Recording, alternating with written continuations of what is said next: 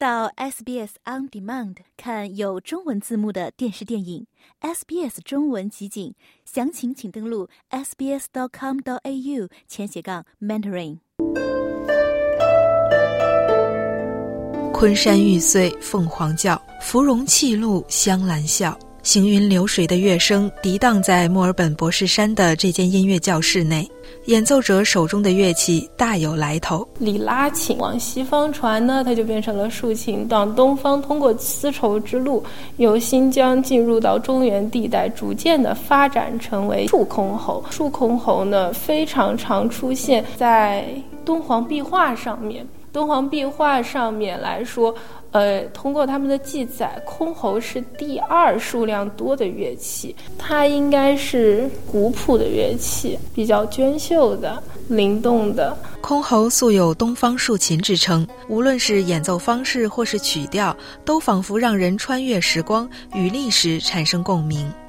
中国的传统文化带来的魅力是非常大的，呃，包括特别是学习箜篌之后，我就会开始看很多的不同类型的书，特别是敦煌的书，你就会感受到哦，其实人的一些智慧，包括古时候人去对于艺术的一些追求，它是非常有魅力的一件事情。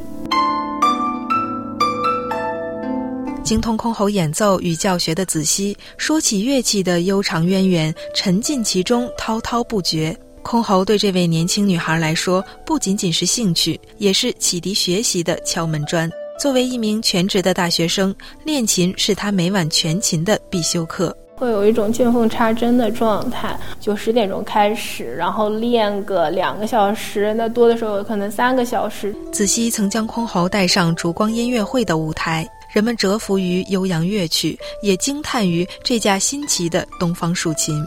他更希望可以从自身的演奏出发，让箜篌在海内外获得更多人的认可。这是很直观的，所有人一定会指着这个东西，就是说竖琴。他们对箜篌的认知是非常的，可以说很多人是零，完全就没有听过这两个字。呃，你需要不断的去跟人家说。这个东西叫箜篌，之前给高少卿老师帮他就是伴奏了一场《红楼梦》，他会专门的给了我一段时间跟我说：“你来专门的就拿着麦克风就介绍一下箜篌是什么。”大学课堂上仔细受教于人，然而走进排练室的他摇身一变成为一名严师，会疼，他们会。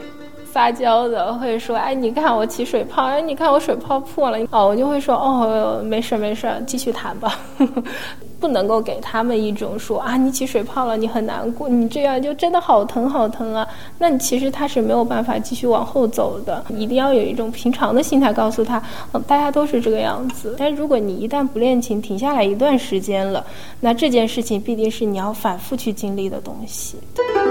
对子熙来说，东方文化的魅力与箜篌演奏一样，不是一朝一夕便可轻易习得与体味，而潜心钻研，自会收获一番如鱼得水的自在心境。SBS 中文新闻杨富佳采访报道。喜欢、分享、评论，欢迎您在 Facebook 上关注 SBS 普通话页面。